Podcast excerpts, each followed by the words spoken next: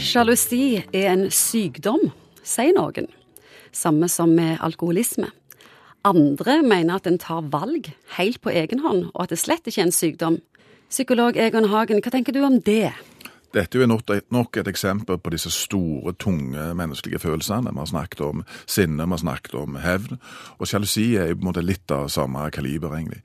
Det som er viktig å si noe om, at hvis du har en eh, notorisk rundbrenner, enten til mann eller kone, og det er sommerfest på Vaulen i Stavanger, og du ligger hjemme og lurer på hvordan dette går, så er det helt naturlig at du er engstelig overfor det.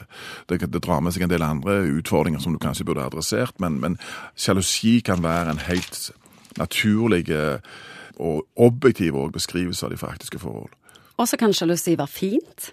Ja, det kan òg oppleves som innenfor rimelighetens grenser som en konsolidering av eh, ønsket om å være tilknytta, og, og meg og deg er sammen, og, og jeg, jeg, passer på dette på en måte innenfor rimelighetens grenser.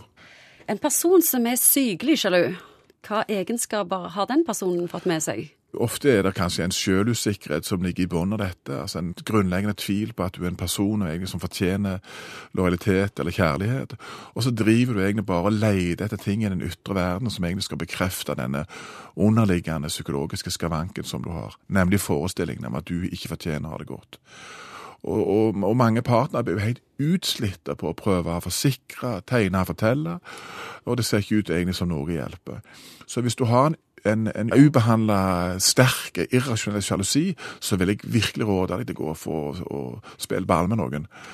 Uh, og få litt hjelp i forhold det, for det er hjelp å få. Men fordi at du har en måte å oppfatte verden på som gjør at du ikke får det du aller, aller mest ønsker, nemlig trofasthet, kjærlighet og et godt liv.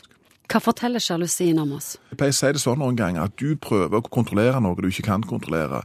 Du bør kontrollere din egen del av kjærlighetsavtalen, men det er faktisk kona di som kontrollerer sin del av den. Og du føler, og du, du, du jobber med denne radaren din for å prøve å føle deg fram til hvordan situasjonen faktisk er.